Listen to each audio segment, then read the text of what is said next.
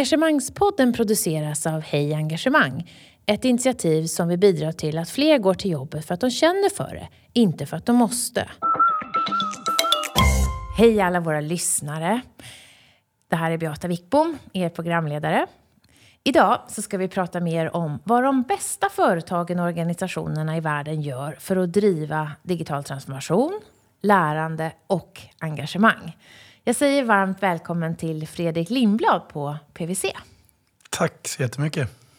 Vad engagerar dig mest med det du jobbar med? Ja, det som engagerar mig mest skulle jag nog säga är eh, dels mina grymma kollegor, relationer, eh, oerhört viktigt.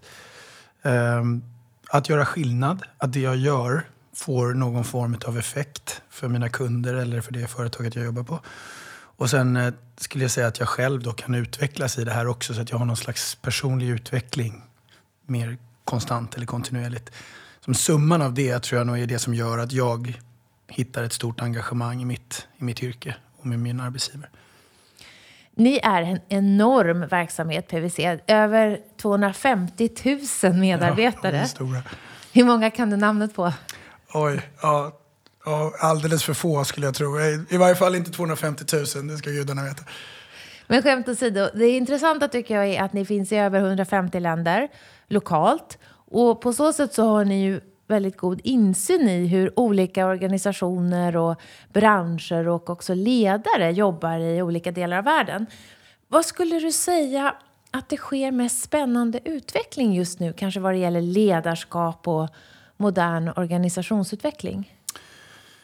Ja, det är ju väldigt mycket runt eh, utmaningarna kring digitalisering som vi ser att det sker väldigt mycket runt ledarskap och, och organisationsutveckling. Just att, att företag jobbar hårt på att försöka framtidssäkra sig, förstå vad är det vi behöver göra för att kunna vara fortsatt lyckosamma i den här tiden av stor förändring som vi, som vi jobbar i.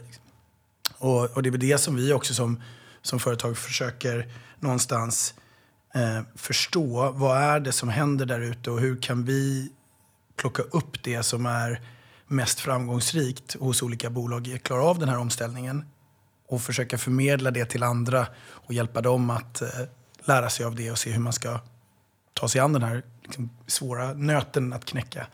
Kan man säga att det sker i olika regioner i världen eller är det här lika spritt? Det Beror, är det oavsett var man finns? Att det finns vissa organisationer och vissa ledare som så att säga, hittar receptet? Ja, det skulle jag säga. Jag tror att det, det absolut.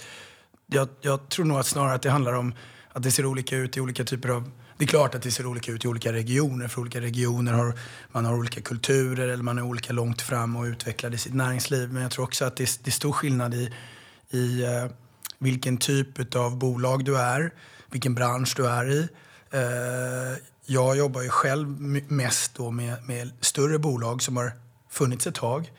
Och där har du ju naturligtvis en stor utmaning i att du har varit någonting och sen så ska du bli någonting. Och hur hanterar du den där omställningen från från det du har varit tidigare väldigt framgångsrik till att försöka omvandla dig till någonting nytt. Medan eh, är du ett nystartat bolag eller ett lite mindre bolag så kanske det är andra typer av utmaningar du har i den här. Att hantera det här. Att hela tiden kunna vara, utveckla dig och vara relevant. Då. Eh, bakgrunden till att du är vår gäst idag det är att eh, Emma Egnell på Hej Engagemang och jag, vi lyssnar när du presenterar en rapport om vad de bolag som är bäst i världen gör för att få ut något av sina digitala investeringar. Och då såg vi att det fanns väldigt mycket att lära här kring hur du leder en lärande och engagerad organisation. Har du också sett eh, den kopplingen? Ja, jo absolut. Nej, ja, verkligen. Eh, och jag pratade ju lite grann om det i den, i den eh, presentationen jag höll där när vi träffades då. Men, men absolut, vi ser och jag kan ju referera lite grann till den specifika studien som jag pratade om just då. då. Och det handlar om att eh, vi har eh, gjort en studie med över tusen beslutsfattare globalt då, eh, som vi kallar en digital IQ-studie. Eh, där vi frågar de här företagsledarna eh, frågor om hur de hanterar det här med digitalisering och omställningen som krävs nu. Och vi har gjort den i 11 års tid. Eh, så vi har ju samlat väldigt mycket förståelse och insikt utifrån det. Och i år så var vår fråga till dem, eh, eller det vi ville förstå i år, det var hur framgångsrik har man varit i att, att faktiskt åstadkomma det man vill då med alla de investeringar man gör i digitalisering. Eh, får man ut de effekterna? Skapar man det värdet man vill ha? Och det som var oerhört intressant, det var att bara 5% av bolagen som var med i vår studie då, eh, menade eller upplevde att man har lyckats skapa det här värdet fullt ut eller varit lyckosam i att få ut alla de här effekterna som man ville med sina digitala investeringar. Då. Trots alla miljarder som bolag och organisationer öser in. Trots mm. alla miljarder som man öser in eh, så har man inte lyckats med den effekten. Då. Och då är det viktigt att säga också att när jag säger effekterna så var det inte bara finansiella effekter. Det fanns där. Man ville öka sin omsättning eller få en bättre lönsamhet eller reducera sina kostnader. Absolut. Men det handlar också om skapa bättre kundupplevelse, innovera nya produkter och tjänster, en bättre, eh, ett, stärka sitt varumärke och så vidare. Så att det var både kvalitativa och kvantitativa effekter man, man sökte i det här. Då. Och, och mycket av det kom tillbaka till att, man, att eh, medarbetarna och att få medarbetarna att faktiskt eh, vara en mer aktiv part i den här omställningen som man söker då med alla de här olika investeringarna man gör. Då. Och det var det som jag och Emma tyckte var så intressant och vi ska prata mer om. Ni kallar en grupp av de här företagen vars ledare ni har intervjuat för transcenders. De som går liksom bortom, transcenderar bortom förväntade, bara göra same, same som vanligt. Vad är det som utmärker de här bolagen som har lyckats då? Är det de här fem procenten kanske? Ja, precis. Mm. Det är de fem procenten och vi gav dem namnet transcenders just, just precis som du säger därför att de någonstans har lyckats höja sig över eh, eh, de, de, inte bara transformerar utan de någonstans ännu mer på något sätt förändrar sig själv eh, på ett ännu mer meningsfullt sätt. Och, och det fanns några attribut som, eh, som just de här bolagen då hade, som, som, där man kunde konstatera att som, som var unikt för dem.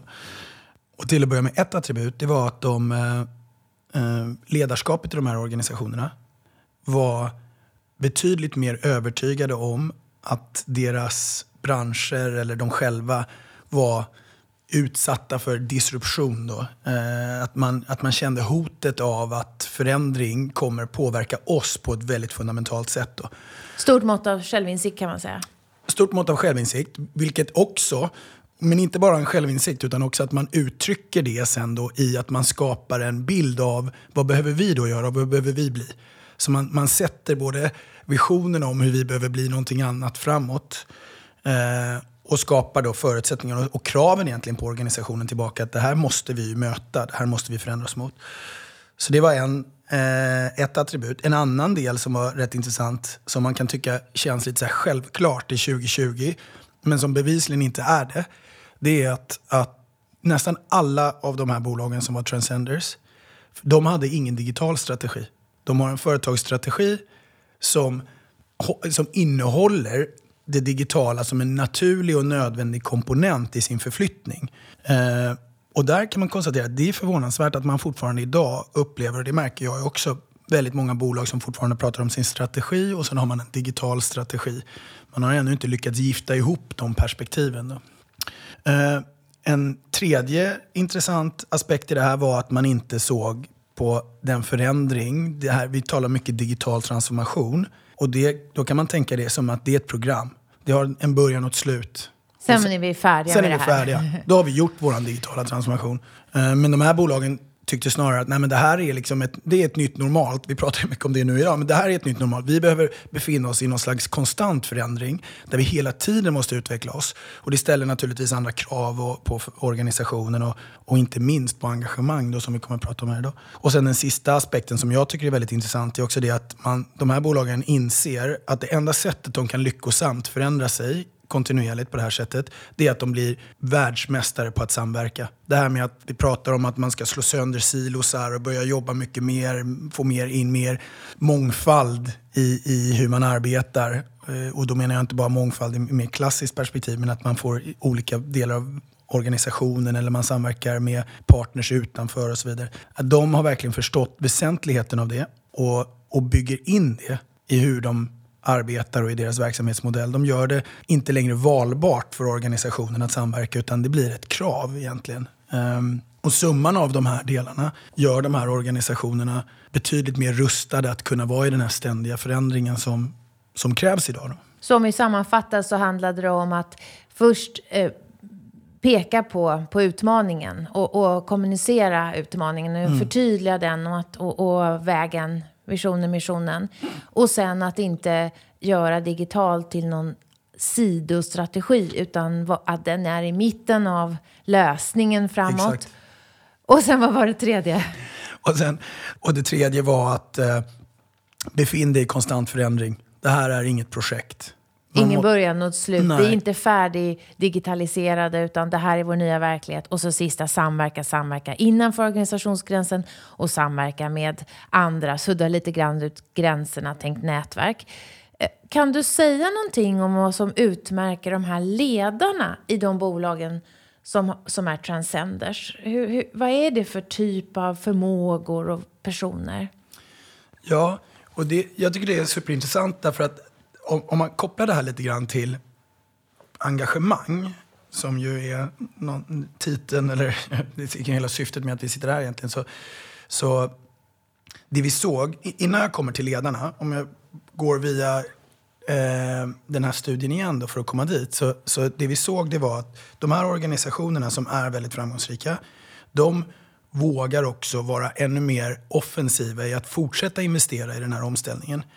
Och, vilket gör att de kommer ju om något ytterligare distansera sig mot de som är mindre mogna eller mindre... Dra ifrån ännu mer? Dra ifrån. Gapet ökar ännu mer. och, och och en av de viktigaste områdena, ett av de viktigaste områdena de investerar i, det är i personal, medarbetare, i det vi kallar upskilling. Då. Och det kommer ju av en insikt i de här företagen om att det här med digitalisering, ja, teknologin är ju helt avgörande naturligtvis, för det är det som någonstans driver på den här exponentiella utvecklingen. Men det är människors förmåga att ta till sig teknologin och omsätta den i mer effekt eller bättre utkomster. Det är där, liksom, det är där man hittar vinnarna i de som klarar av att göra det. Och, och, då, och då kommer man tillbaka till, till ledarskapet i det här tycker jag. För, för vad det handlar om, det är ju att väcka lusten eller förmågan eller engagemanget i individen att vilja ta ett ägarskap för att befinna sig i den här förändringen, att vara aktiv i den, att, att delta. Um, och det är där duktiga ledare det är där duktiga ledare måste, måste vara de som möjliggör det här. Skapa förutsättningarna. Och vad har de för förmågor? Vad, är, vad utmärker de som kan väcka både drömmen och det dagliga engagemanget? Mm. Ja, och jag tycker just formuleringen är superbra. Väcka både drömmen och det dagliga engagemanget. För, för det är nog mycket det det handlar om. Att dels klara av att beskriva den här målbilden. Var är vi på väg som organisation? Um, som väcker ett engagemang eller som, väck, som skapar ett syfte. Både, liksom, vad har vi för, både den direkta påverkan vi har, vad är det vi gör för våra kunder, Ehm, för de som är beroende av oss och också liksom, vilken roll spelar vi i samhället, varför är vi viktiga? Ehm, men sen göra det väldigt konkret för mig och oss här och nu. Vad betyder det för oss då? Vad behöver jag fokusera på eh, i närtid? Ehm, sen en annan aspekt är, som, om vi nu pratar om det här med samverkan, så tror jag att just det här med att vara en bra lagbyggare, att förstå hur sätter vi ihop en gruppering av människor som tillsammans blir framgångsrika eh, och klarar av att göra det vi behöver göra i den här förflyttningen. Så det handlar inte om att bara väcka engagemanget i varje enskild individ utan också hur får jag ihop dem sen i en, i en, i en bra grupp. Då. Eh, och sen ge friheten. Om du har satt riktningen du är tydlig med vad du förväntar dig här och nu och du har på något sätt satt teamet som ska kunna lyckas med det. Då handlar det ju sen om att ge friheten att någonstans run with it. Mm. Eh, lita på att organisationen då klarar av att faktiskt liksom vara nyfiken, utforskande, modig och börja förflytta sig mot den här eh, platsen man vill till framåt. Då. Vad skapar de för organisatoriska förutsättningar för den här snabba förflyttningen framåt där alla ska vilja vara med och förstå hur de ska vara med? Ja, det, det, det sker i, ja, i flera olika delar skulle jag säga. Jag tror dels så handlar det verkligen om att, att eh, låta, att, att vara tydlig i vad är det som ni som, du som medarbetare eller ni som organisation ska uppnå i det korta perspektivet med tydlig målbild, tydliga kopior kopplade till det. Eh, vad är det för resultat som ni ska åstadkomma? Mm, och sen i det någonstans säkerställa att man skapar det här klimatet för samverkan. Och klimatet för samverkan, det kan man säga, låter som en fluffig term, men det handlar väldigt mycket om att, att eh, eh, ge, ge organisationen förutsättningar att, att, att, både, att samverka i praktiken. Um, I hur man styr, hur man sätter ihop, hur man organiserar sig helt enkelt. Uh, menar, agilt, du nämnde tidigare, agilt, är det ett, är det ett sätt att eh, åstadkomma det här? Eh, ja, det är det nog för, för många organisationer. Sen är agilt ett svårt ord tycker jag, för det, det, det kan betyda så mycket. Det är nästan som digitalisering, det är lite grann mm. eh, varje persons tolkning. Men, men jag tror det handlar väldigt mycket om att få ihop eh, de här grupperingarna där du har individer som kommer från olika delar av verksamheten som har lite olika sätt att se på den utmaning du står inför som organisation. Och sen inom citationstecken tvinga dem att lösa problem, utmaningar eller behov tillsammans. Um, och där tror jag, vi pratar mycket om att våga att misslyckas. Det är en så populär term som även jag som konsult svänger mig mycket med. Um, ehm, och att våga misslyckas när man gör någonting själv i det jag alltid har hållit på med. Det är kanske svårt nog, men jag tror att det är ännu mer utmanande att våga misslyckas när jag ska jobba i en gruppering tillsammans med andra och kanske andra som kommer från andra delar av verksamheten eller till och med utifrån och så ska jag liksom visa, visa mig inom citationstecken då eh, svag eh, mm. för dem. Då. Eh, så där krävs det ju också väldigt mycket att man, att man verkligen har skapat tryggheten i gruppen och tryggheten hos individen att våga jobba på det här sättet och ta sig an. Det är det jag tycker så mycket om i agilt arbetssätt, att det finns en uppsättning instruktioner för hur just arbetssättet ska gå till. Och det, det nivellerar lite grann att någon skulle vara bättre än någon annan just på hur vi jobbar. Alla har ju samma då. Och om det finns ett, ett avsnitt som heter retrospektiv, vad har vi lärt oss och vad har vi gjort för fel och så. Då känns det, tycker jag i alla fall, som en enklare förutsättning att berätta om det, beskriva det utan att det handlar så mycket om individen. Kan ni se någonting kring just organisationsstrukturer i de här bolagen som är transcenders? Eh, vi pratar ju här, agilt handlar ju ganska mycket om små uppgiftsorienterade team som kanske inte behöver sitta ihop för alltid. Jobbar du med externa parter som kommer in så kan de vara med en mm. stund. Kan mm. du berätta lite mer just om organisationsformer? Ja, det, jag är ingen expert på det ska jag till att börja med säga. Så att, men men, men det jag tycker mig se i varje fall, både i det jag har hört från kollegor och det jag ser när jag jobbar med, med kunder själv, så är det att, att eh, det som är framgångsrikt i de här, det är ju dels då att man jobbar i de här mindre teamsen som har rätt mycket ändå autonomi att lösa sin uppgift. Eh, naturligtvis då med en tydlig brief och en tydlig riktning, men inom ramarna för det så får man mycket utrymme.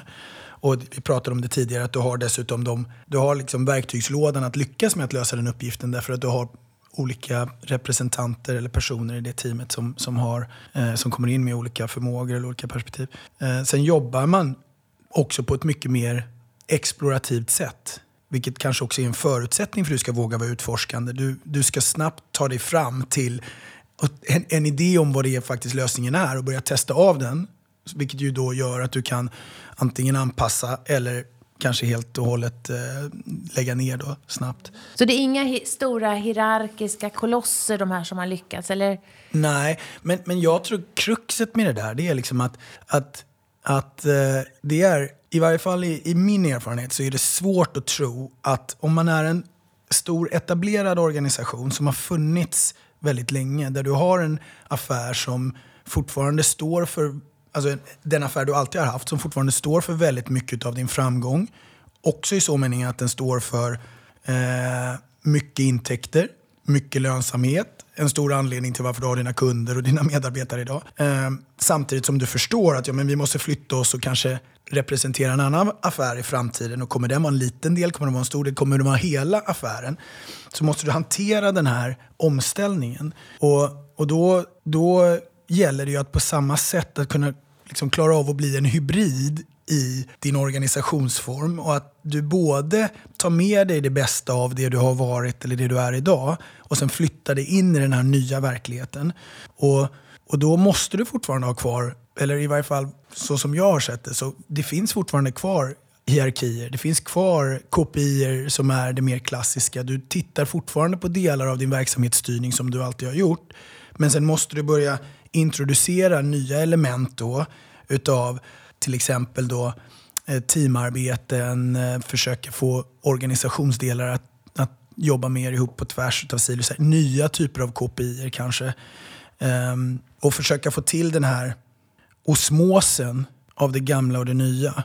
Och det upplever jag är en stor utmaning för många organisationer. Och de som är transcenders har lyckats lite bättre och är lite längre fram i den omställningen än vad övriga är. Då. Mm. För det handlar ju om att ha respekt för det gamla och älska det gamla så länge vi ska hålla på med det samtidigt som du gör mer av det nya som ibland utmanar och kannab kannibaliserar på det gamla. Jag tänker om jag var ledare i en sån här verksamhet så skulle jag varje gång jag träffar någon fråga okej, okay, vad är det andra vi också behöver göra? Vad är, mm. så det här både och-ande, ja, att det blev en ledarförmåga att kunna fostra ett både och-tänk. Ja. Och du har inte mer fel eller mer rätt för att du håller fast vid det andra ett tag.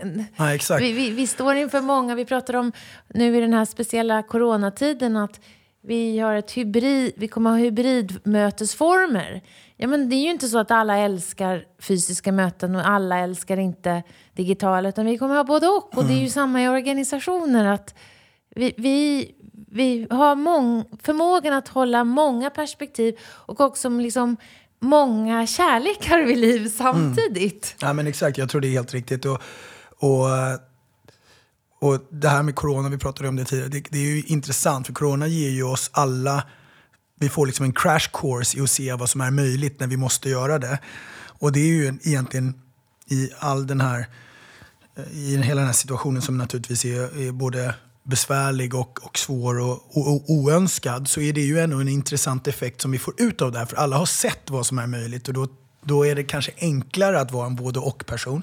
Men i många organisationer så, så är det ju så att man har inte sett det. Du har några som är, har sett och är övertygade om om det nuvarande sättet att arbeta. Och sen så har du kanske rekryterat in ett gäng som ska vara de som ska stå för de här nya förmågorna och som naturligtvis har sett jättemycket av det.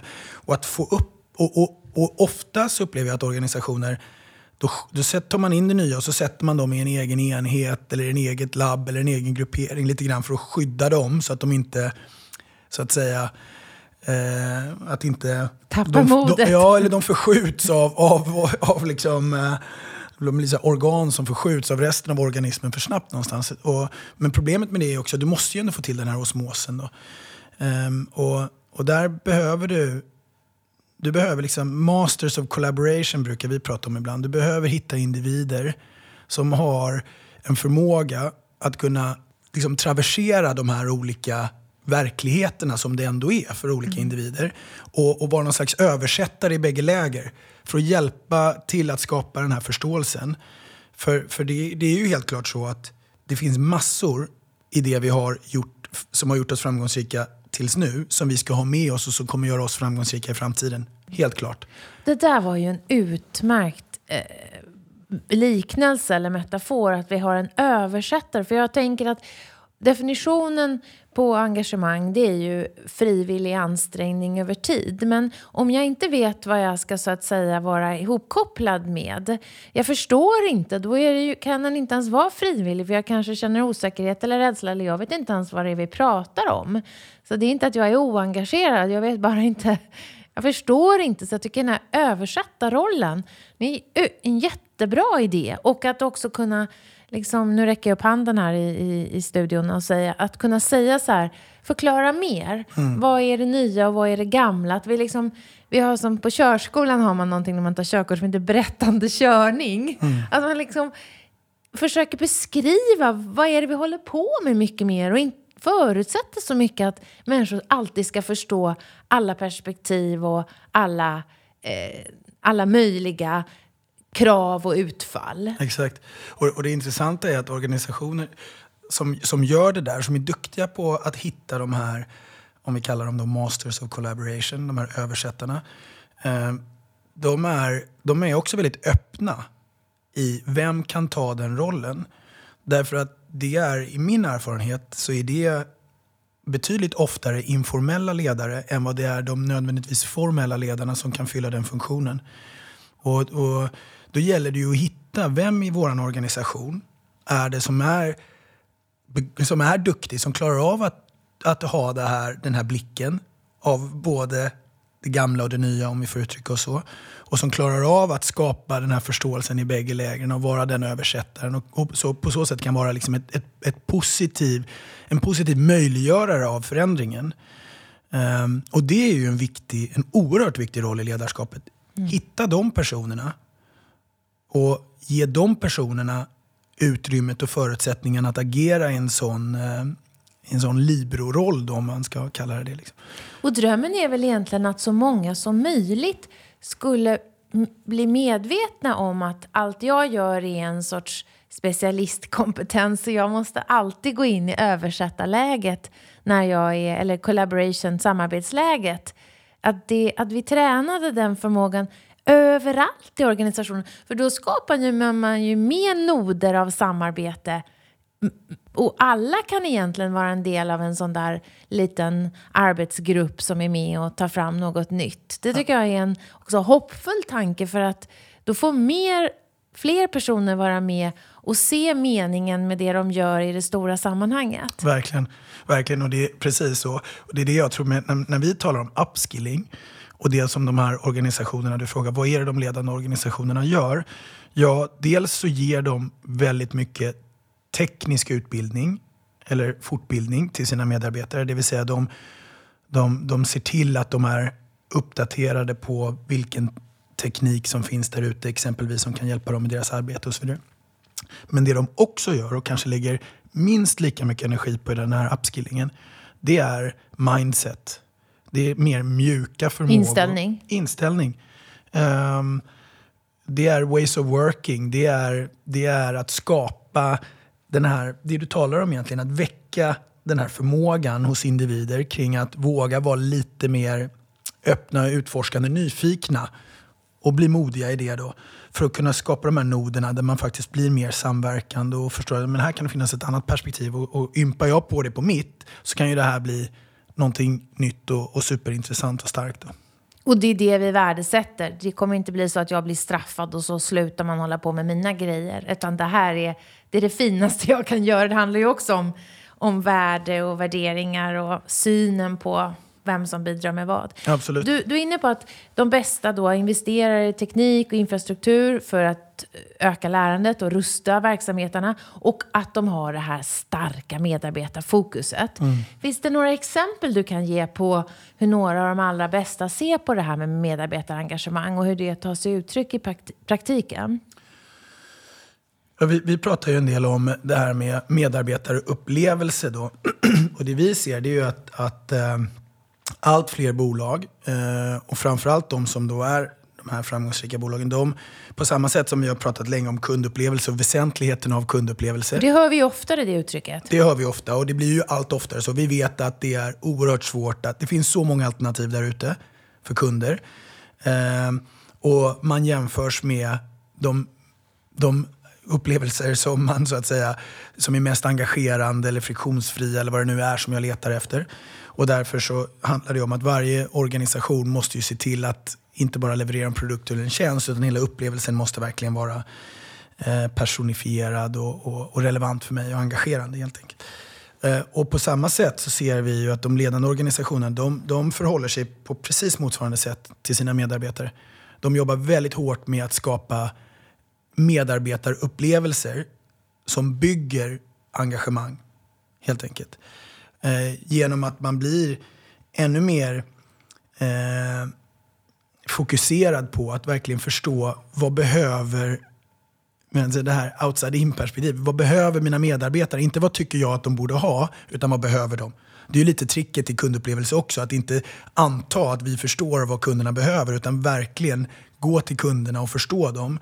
Mm. Gör det insiktsarbetet så att upplevelsen du sen skapar faktiskt är relevant för dem. Så de jobbar med, med eh, snabba medarbetarundersökningar, som, eller snabba men mer löpande medarbetarundersökningar. De gissar inte, de, de gissar jobbar inte. insiktsdrivet och datadrivet. Exakt så. Och de kan jobba ner på individnivå om jag förstår dig Jobbar rätt också. Och, och, och, inkluderar medarbetarna i det här arbetet.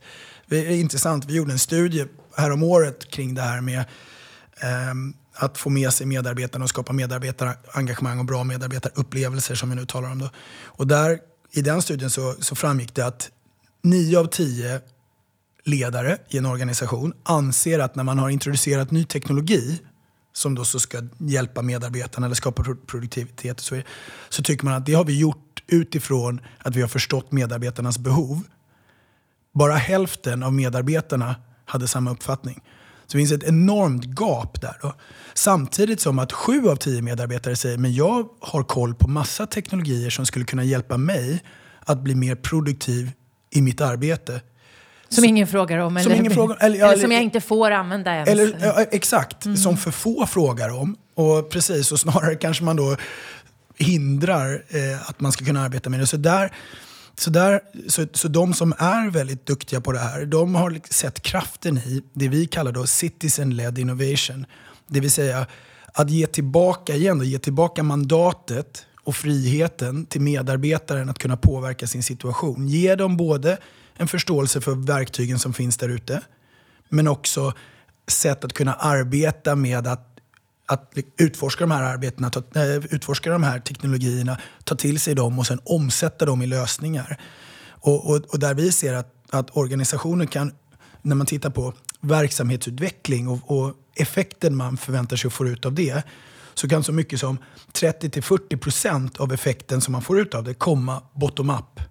Av att organisationen själv kontinuerligt innoverar genom att man helt enkelt ja, introducerar nya sätt att arbeta på som hjälpt av ny teknologi och som löser specifika mikroutmaningar man har i sitt jobb.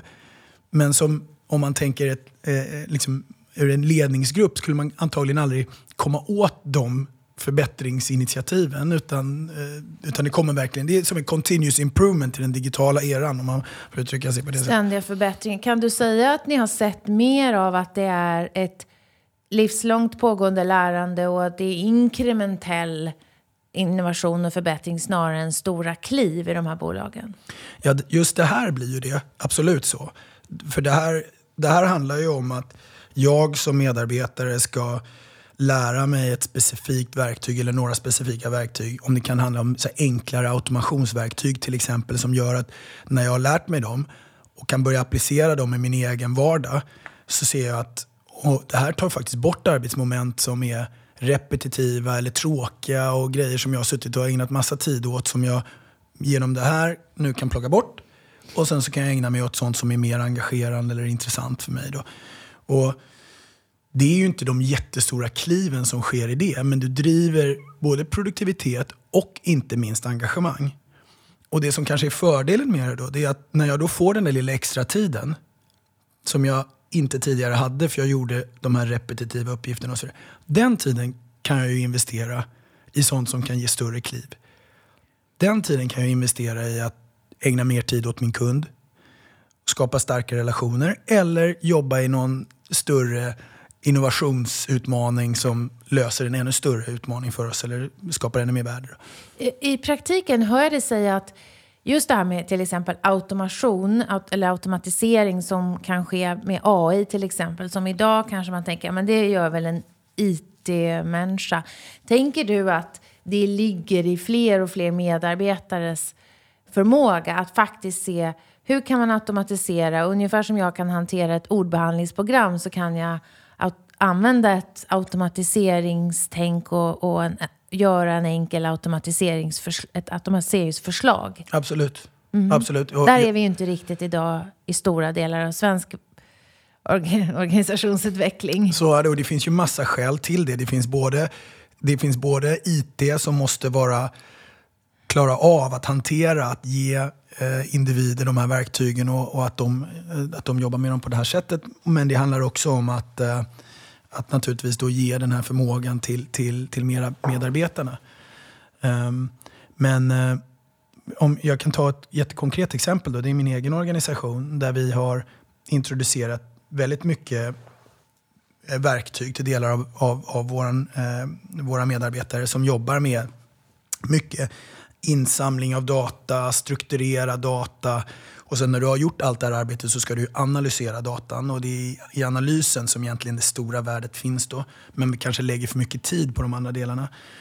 Och, där, och då har vi utbildat i olika typer av verktyg som kan möjliggöra den här automationen. Och sen så har vi sagt till organisationen att innovera, hitta sätt att, att lösa det på. Och sen när man hittar en smart lösning så får man både tid att bygga den och sen så får man lägga upp den på en slags intern eh, plattform då, där vi kan dela med oss av alla de här innovationerna. Och om andra medarbetare ser ja men det här var supersmart. Det här skulle jag också kunna göra för jag jobbar i ungefär motsvarande moment i min vardag och laddar ner den och applicerar den och hittar effektivitet. Så dels så skalar vi ju den här enskilda individen och enskilda medarbetarens innovation till många fler.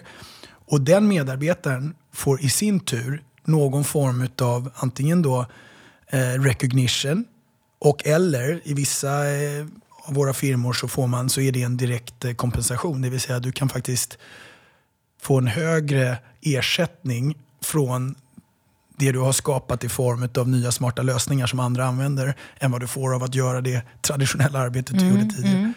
Och även de som ni har undersökt i er eh, studie eh, har ju ett kultur och ett arbetssätt där de delar kunskap och, och insikter och information i väldigt hög utsträckning och, och, att det också ska uppfattas som motiverande. Och då ja. har vi inte så här någon maktstruktur där vi sitter på kunskap och den som har mest inom sin stängda gräns vinner.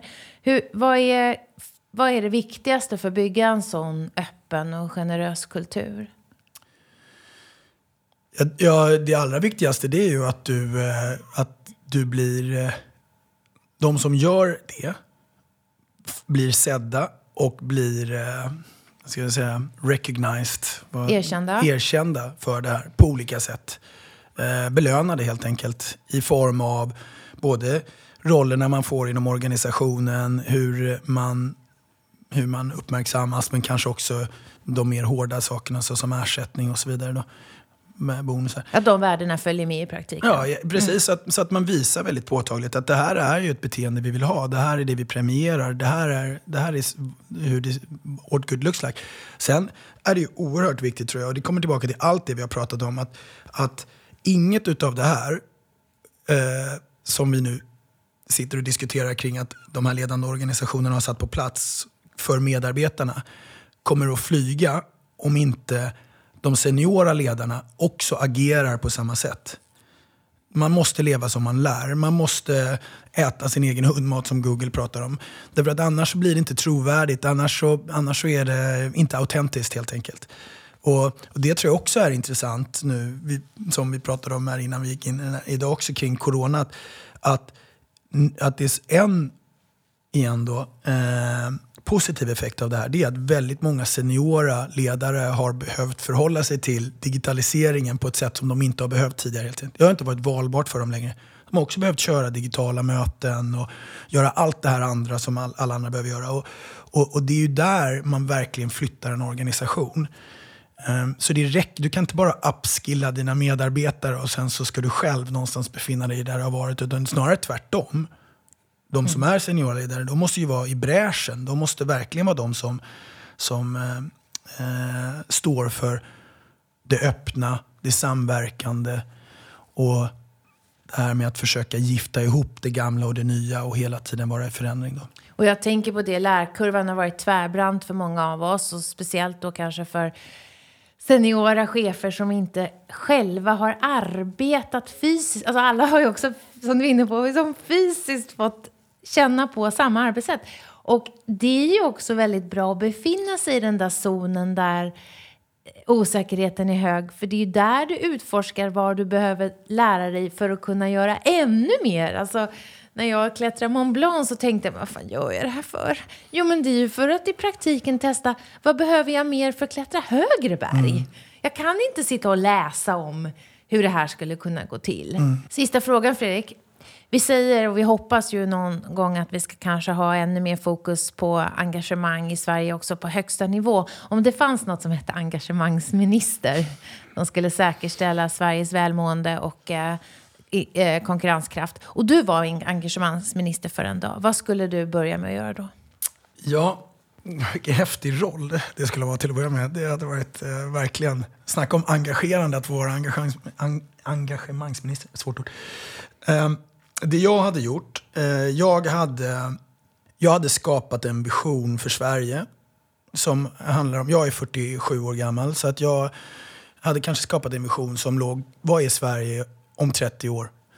Um, och, och, verkligen utmanat oss själva i, någon, i, en tvärfunktionell gruppering av massa olika representanter från samhället i att bygga den bilden av Sverige. Um, för att verkligen sätta, ner, sätta en riktning och sätta flaggan någonstans kring vad är det vi vill vara. Vad är, vad är det vi vill vara? Vad är det vi vill bli som samhälle? Och sen när vi hade det så hade jag sen försökt omsätta det i någonting väldigt konkret här och nu. I att se, men vad är det vi gör idag som tar oss i riktning mot att bli det där då? Vad är de goda exemplen som gör att det där lite mer abstrakta visionära kan göras konkret och, och tagbart då? Stort tack Fredrik Lindblad och tack alla ni som lyssnar.